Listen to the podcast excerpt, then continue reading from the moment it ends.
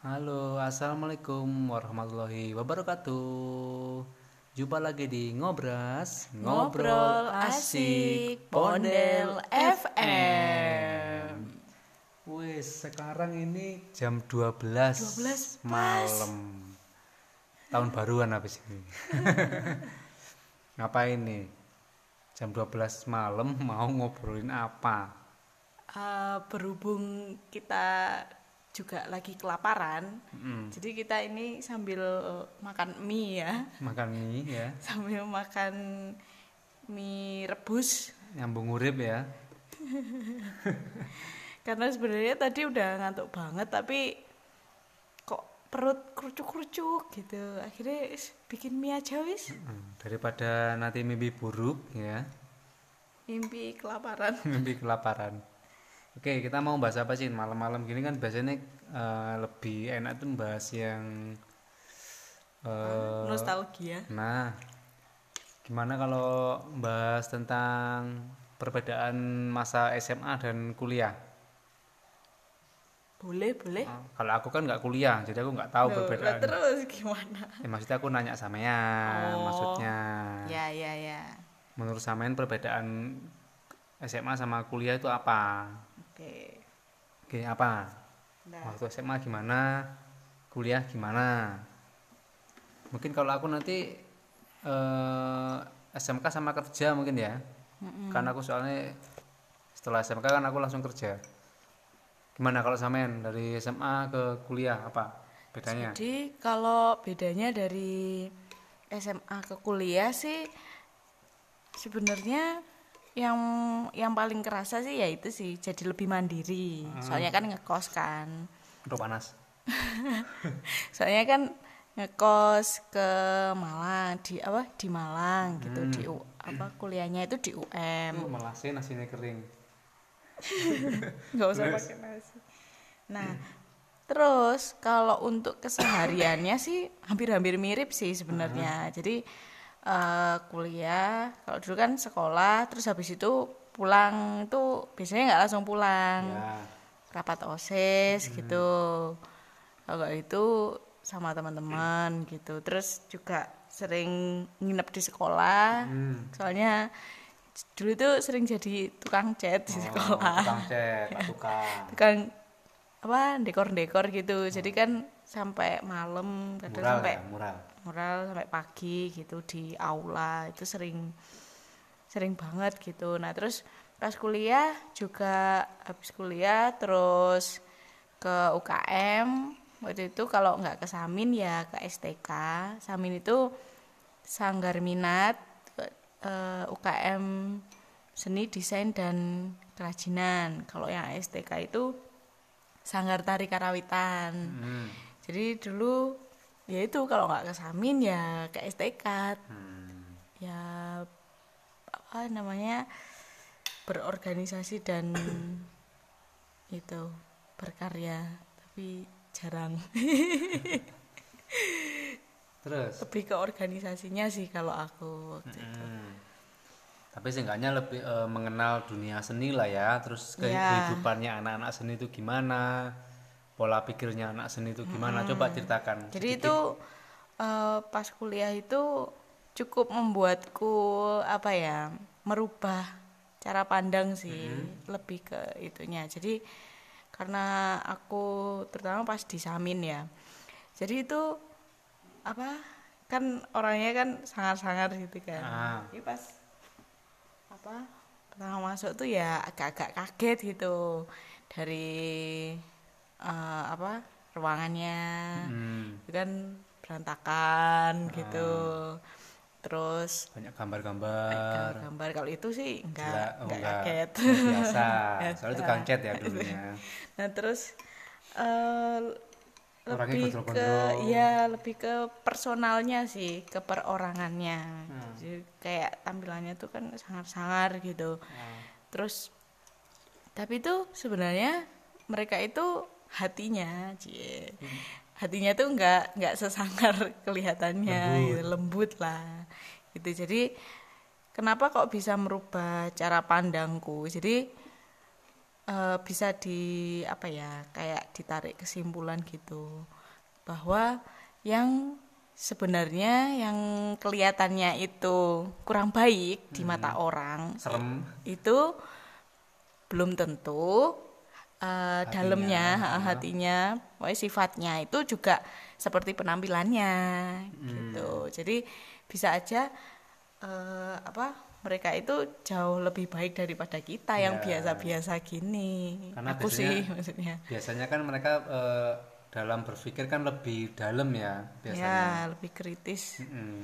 soalnya kan waktu itu sering nginep di Samin. Samin terus habis itu biasanya kan ya kayak gini nih Hmm. makin malam kan obrolannya kan makin, cihui. ya makin dalam Tapi gitu kan mie. Enggak. Bakar-bakar sih kalau Hmm. itu sering-sering tuh bakar-bakar. Di depan ya. Beli gorengan. Kadang juga bakar ayam bakar ikan. Biasanya dibawain bakar amarah. Biasanya kalau itu loh Mas Curut kan rumahnya Tuban tuh sering bawa ikan-ikan gitu. Kalau Oh. habis pul apa? Namanya lucu-lucu teman-teman. Ya namanya itu lucu-lucu nah itu sih. Jadi sering itu sih seringan ngobrol-ngobrol gitu sih aku. Kalau di Samin Mm. malan dan kita ketemunya di Samin Oh iya. Samin. Kita ketemunya jodohnya kita ketemu di Samin. Terima kasih Samin. Samin lah yang mempertemukan kita. Ya Allah ya cuman Allah lah melalui eh, melalui Samin. Samin kita ketemunya dan berjodoh alhamdulillah terus Amin. Terus Terus apa, Jin? perbedaannya sama SMA tadi apa Itu tadi apa lebih mandiri. oh terus maksudnya Kalau kegiatannya sih hampir sama. sama yang yang kelihatan Sama yang, cara pandang itu Ah. tadi. yang paling kelihatan yang paling terasa ya it- itu tadi mandiri itu tadi Hmm. oh Jadi kayak kalau ada masalah tuh ya wis mau nggak mau diselesaikan sendiri gitu loh. Hmm. Jadi pernah pas apa ya? Yang paling kerasa itu oh pas mau skripsi apa pas apa tuh itu. Oh iya, pas lagi skripsi terus ngumpulin data itu. Itu kan perusahaannya kan nggak nggak mau kan awalnya. Eh, awalnya bilang mau, terus nggak mau. Terus ya itu bingung nyari padahal judulnya tuh udah fix kan nyari judul itu kan lama kan Hmm. bukannya nah terus Jadi biar disetujui dosen itu kan prosesnya kan apa revisi bolak-balik nah wis judulnya udah fix Hmm. nah kok yang tempatku penelitian itu malah yang bermasalah nah itu pas itu pas pusing banget sih terus minum muscadon dong. Terus habis itu eh, ya curhat ke ibu juga tapi ya gimana gitu maksudnya ya is ngasih semangat aja kan kan mau bantuin gimana juga itu soalnya tempatnya kan di Singosari waktu itu. Itu ya di itu, ya itulah pokoknya. pokoknya tit. Nah, dekat rumahku juga. Heeh, itu sih yang kerasa paling down pas selama kuliah sih itu sama satu lagi pas sakit. Oh, pas ya. sakit nggak bisa ke mana-mana. Jadi pas itu kakiku itu kenapa toh? Pokok sampai nggak bisa jalan. Hmm. itu masih maba masih awal-awal kuliah jadi. Terus awal-awal pindah kos juga. Oh nggak maba ding. Semester sekitar semester tiga. Iya sih baru lah nah terus itu kakiku sakit terus nggak bisa jalan sampean. Terus bingung mau hubungi siapa. Pokoknya pas itu sepi apa gimana ya di kosan? Pokoknya aku sampai minta tolong temenku Hmm. teman SMA sih dan itu siapa? beda kampus. Eliska. Oh, nggak kenal. Eliska dia kuliah di UMM kan jauh dari UM UMM yang kampus yang yang yang berapa yang ada dom itu bukan? Yang ada domi. Heeh. di Noyo kan ya? Heeh, yang itu. Kampus satu ya itu ya? Pusat Mungkin. ya? Mm-mm. nah dia kuliah di situ. Nah terus sebenarnya sempet minta tolong kakak sepupu Mm-mm. yang waktu itu udah kerja di Malang. Tapi kan apa kakak sepupuku itu laki-laki gitu. Jadi mungkin kayak agak canggung gitu kan Ya. terus akhirnya aku minta tapi yang ngasih tahu tempat dokternya itu ya yang kakak sepupu itu terus itu ngerasa paling downnya ya itu sih dua pas dua itu tadi jadi soalnya kayak bingung gitu mau ngapa-ngapain mau apa bilang ke ibu kan takutnya kepikiran jadi Ya.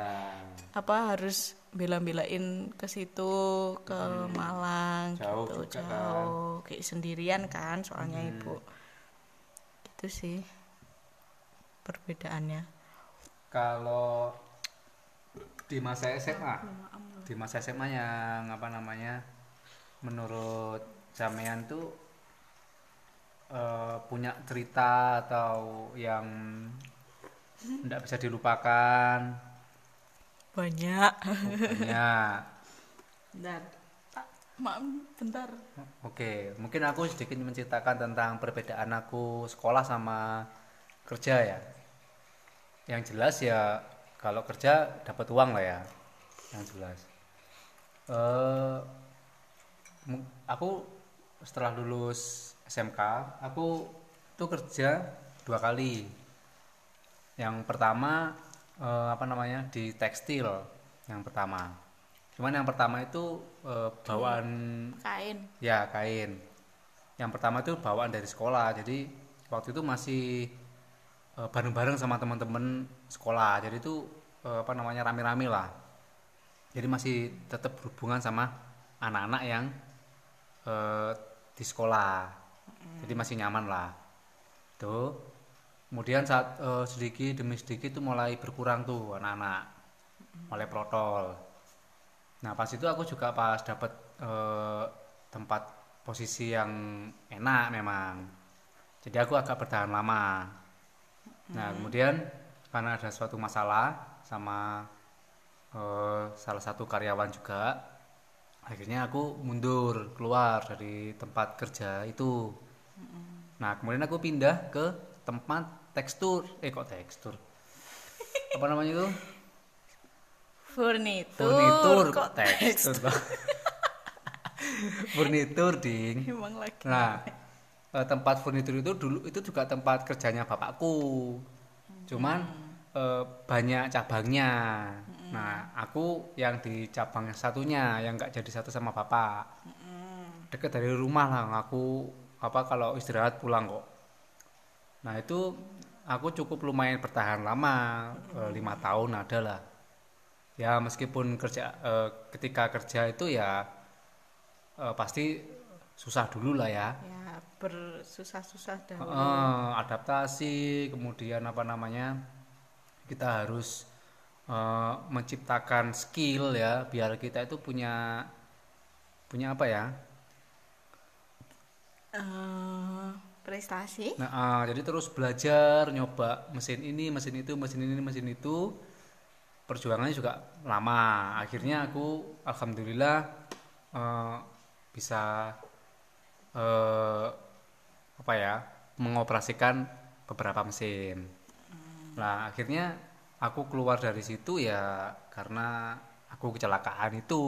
ya berapa tahun yang lalu ya tahun 2016 Eh, jadi empat tahun yang lalu mau nggak mau ya aku udah untuk kerja ke sana juga susah karena aku juga harus apa namanya eh, tinggal di Blitar. Sekarang pun mungkin aku untuk kerja di sana masih belum bisa. Ya karena ya masalah fisik ini akhirnya. Itu sih. Jadi apa namanya? eh, perbedaannya eh yaitu eh, yang biasanya kita bisa main sama teman-teman ya. Eh, leluasa gitu terus bisa setiap waktu main. Nah sekarang kalau pas kerja waktu itu ya nggak bisa karena kan ada jam eh, jam pastinya gitu. Belum lagi kalau eh, banyak orderan gitu. Akhirnya kan harus lembur gitu kan. Tapi aku nggak nggak pernah mau kalau lembur hari minggu. Lumayan agak bandel sih kalau untuk masalah lembur karena kan waktu itu aku masih eh, aku menganggap masih aku masih muda jadi aku harus apa namanya eh, hidup bersosialisasi sama kehidupan luar gitu. Jadi tiap hari minggu hari minggu itu aku khus- eh, khususkan untuk aku mencari eh, kehidupan di luar seperti itu. Jadi eh, gabung sama komunitas? komunitas-komunitas gitu kan. Terus berkarya berkreasi terus sharing sama teman-teman itu sih. Kalau aku cuman di tempat kerja tok aku nggak bisa berkembang di dunia luar gitu. Ngomong-ngomong soal komunitas kan kalau aku tadi kan gabung ke UKM Samin sama STK kan. Nah kalau sampean ikut komunitas apa aja? Yang pertama yang jelas eh, komunitas rosok craft nah inilah komunitas rosok craft ini yang mempertemukan aku sama eh, Nur Rahayu ini. Jadi ceritanya yang Samin ini sering bikin event ya Jin? Ya pas itu eh, lagi ngadain pameran bersama itu collab sama komunitas-komunitas selain yang ada di kampus Ya. komunitas seni jadi ada yang dari Surabaya juga. Dari berbagai berbagai kota lah ya. Nah kemudian yang aku ini termasuk anak yang cupu. Oh Bukan- tapi waktu itu sampean belum gabung ya belum. pas itu? Aku tuh termasuk anak yang eh, nggak suka keluar rumah. Ya cuman banyak kegiatan tuh di dalam kamar. Dan aku nggak begitu suka eh, keramaian. Hmm, gitu. Heeh, nah kemudian apa namanya yang rosok craft itu kan sering sering diliput TV itu komunitasnya yang membuat mendaur ulang suatu eh, benda dan korek waktu itu menjadi beberapa aksesoris. Nah, waktu itu lagi apa namanya? syuting waktu itu, syuting stasiun TV. Nah, aku diajak oleh salah satu anggotanya jemput ke rumah. Nah, apa namanya? Akhirnya aku ikut tuh, ikut ikut syuting. Nah, kemudian sering nongkrong di situ akhirnya. Sering nongkrong di situ. Nah, mungkin mereka merasa kasihan sama aku kan. Karena aku tuh anaknya eh, cupu. Nah, terus Nah, kemudian dikenalkanlah aku sama beberapa anak perempuan, anak samin. Teman yang nyantol sampean. oh ya Nah, terus yang nyantol apa yang mau mau. Kemudian setelah itu aku ketemu sama komunitas pencinta iguana yang aku memang suka hewan. Nah, itu sering sering kumpul kan, sering gathering si Rosok Craft itu. Nah, itu berdempetan sama komunitas iguana. Nah, akhirnya aku gabunglah sama komunitas iguana tersebut. Dan itu kan di Ijen kan. Nah, itu deket sama UM juga dan deket sama kos-kosan sampean. Jadi Iya. kadang kita ketemunya di sana. Jadi aku aku iku ikut eh, Rosok Craft sama eh, apa namanya? KPI itu waktu itu. Pecinta iguana. Itu sih, ya gitu. Mm-mm. Kalau jadi perbedaannya sampean itu tadi ya lebih ke waktu ya waktu. Mm-mm. Kalau sampean di masa SMA, apa tadi pertanyaannya? Ya momen-momen apa yang oh iya. Ya yang pertama yang paling berkesan itu bisa gabung di itu ekskul seni rupa. Ya itu. Jadi sering dimintain tolong sama apa panitia panitia acara buat dekor itu dekor aula kayak gitu. Jadi biasanya kalau mau ada pentas apa atau ada kegiatan apa gitu. Nah yang di aula itu kan waktu itu kan belum zamannya banner kan masih jarang banget gitu loh banner. Terus harganya juga mahal. Nah untuk meminimalisir budget soalnya kan anggaran di setiap apa kegiatan itu kan dari sekolah itu kan masih minim kan. Jadi kita harus em, berhemat-hemat gitu. Jadi waktu itu eh, temanku si Verina itu eh, dia punya ide gimana kalau pakai triplek terus habis itu dilapisi cat putih. Nah jadi tiap ada kegiatan tuh itu bisa diganti-ganti gitu backgroundnya. ya. Tuh, nah terus itu kan rame-rame kan ngecatnya. Jadi itu seru banget Sekampung. gitu. Enggak lah. Gitu. Nah terus eh yang berkesan lagi ya gara-gara sering ngecat itu. Kadang itu nggak sempet ganti baju biasa. Jadi masih pakai seragam. Akhirnya baju seragam itu banyak banget kena cat terus sampai rumah tuh ya piye ki kok ngene ngene? Gitu. Di sering dimarahi. Dan Anak akhirnya wedok. akhirnya tuh tiap tahun tuh harus ganti. Biasanya kan kalau masih muat it- bajunya kan saya dipakai toh itu aku enggak jadi tiap tahun tuh ganti soalnya wis penuh cat Sampean SMA mana sih? SMA N satu tahun Semanta. Rurua. Oh, lah sekarang tahu lah. Terus? ya itu terus sama itu sih pernah bengek itu Hmm. Suram ya. itu suram banget itu yang bengek itu Masalah apa? Asmara. Ya ah. Aduh, asmara, bucin. Pada ya zamannya. lo tapi waktu itu bukan gara-gara itunya sebenarnya Hmm. gara-gara sama it- itunya lah Situlah pokoknya ya. itulah pokoknya Nanti kalau diceritakan nanti banyak orang menangis mendengarkan cerita Anda. telenovela ya. Ngalang-ngalangi tersanjung lah. Hmm. Terus? terus sama SMA ya Yaudah sih itu sih yang paling berkesan tuh Hmm.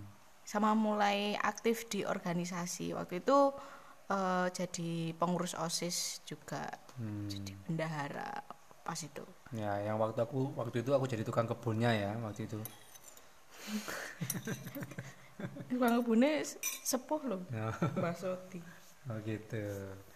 Guru yang paling diingat kalau SMA. guru wali kelas pas kelas 2 sama kelas 3 Hmm, siapa namanya? eh sama satu lagi guru sosiologi. Siapa? yang guru sosiologi itu Bu Sri Retnani. Itu yang aku jadi suka juga sama pelajaran sosiologi. Jadi neranginnya tuh enak terus sering nggak monoton cuma apa dengerin ngerjain soal tuh enggak jadi sering dibentuk kelompok-kelompok terus pakai metode macam-macam lah pokoknya kalau yang ibunya ini kreatif gitu orangnya namanya Bu Sri Retnani Hmm. Terus yang wali kelas pas kelas 2 itu Bukos itu guru matematika. Itu ya gitu neranginnya tuh mudah dipahami gitu padahal biasanya kan kalau matematika kan susah ya. Ya. Nah, itu pas Bukos itu aku lumayan bisa nangkep pelajarannya. Pas itu terus yang ketiga itu Bu kok malah lupa ya aku namanya. wali kelas pas kelas 3 Bu Su Su Su Suminten, Sugiarti, Sunarse, Ya, eh Sutilah, eh Sujiati, Sunama, Sunar Sunarmi, Bu Sunarmi kalau nggak salah. Sunarmi. Ya. Itu. Kenapa Bu Sunarmi itu? itu guru eh sejarah waktu itu. Jadi waktu itu terakhir pas beliau jadi wali kelas di kelasku itu itu terakhir kalinya beliau mengajar tahun itu tuh. Oh. Jadi eh, setelah aku sama teman-teman lulus itu tuh pensiun Oh, gitu. gitu. Terus ya itu sih bikin pelajaran sejarah jadi nggak membosankan gitu loh. Wah, sangat mata menisah Ah, Bu Sunarmi. apalagi Sunarmi kalau nggak salah seingatku insya Allah loh Ya, ya, ya. lupa. Semoga Bu Sunarmi mendengarnya ini ya, kemudian Iya, menghubungi semoga sampean ya. podcast kita Piye ya. lali jenengku. Terus soalnya waktu itu kan aku duduknya paling depan. Mm-mm. Jadi mepet, mejaku sama meja guru itu mepet. Jadi Hmm. pasti kan harus selalu konsentrasi kan kalau di depan sendiri Oh, gitu. gitu. Ya gitu sih pas kelas 3. Oh iya pernah ada konflik juga sama temen. Siapa? Itulah. Yang itu tadi yang bikin bengek itu bukan. Bukan. setelah itu meneh kok aku nggak Eh, pernah tahu. penuh masalah lah aku itu pokoknya Piye to, Bro? adalah Hmm. sama iya itulah pokoknya Terus apa lagi? Hmm, udah Udah, udah udah. ya udah Ya, karena apa namanya? eh, jam yang semakin malam dan link udah mulai kebangun eh, kebangun dan ini ibu ngapain malam-malam. Jadi seperti itu teman-teman cerita kita malam ini jam 12 malam ya bukan cerita mistis loh ya jadi menceritakan tentang perbedaan di masa SMA dan kuliah. Jadi Yeah. nah, sekian eh, cerita dari kita. Ya semoga teman-teman eh, bisa bernostalgia setelah mendengarkan cerita kita dan terinspirasi juga ya. Sembuh yang mana yang bikin inspirasinya nggak tahu. Yang ambil yang baik yang Ya. jelek jangan diambil. Oke, tinggal tapi- aja. baik semua kok insya Allah. Insya oke Allah. sekian teman-teman kita tutup ya oke oke monggo di closing Cin Nah, teman-teman itu tadi pengalaman kita perbedaan antara masih kuliah, eh masih kuliah, sekolah dan kuliah dan sekolah dengan kerja ya. Nah, gitu. Terima kasih yang sudah mendengarkan mulai dari awal hingga akhir. Sampai jumpa di segmen selanjutnya. Ngobras. Ngobrol. Asik. Kok nggak kompak sih, Cin? oke satu dua tiga Ngobras, ngobrol asik Pondel FM. yeah. Ya, wassalamualaikum warahmatullahi wabarakatuh. Waalaikumsalam warahmatullahi wabarakatuh dadah semuanya Dadah. Ih.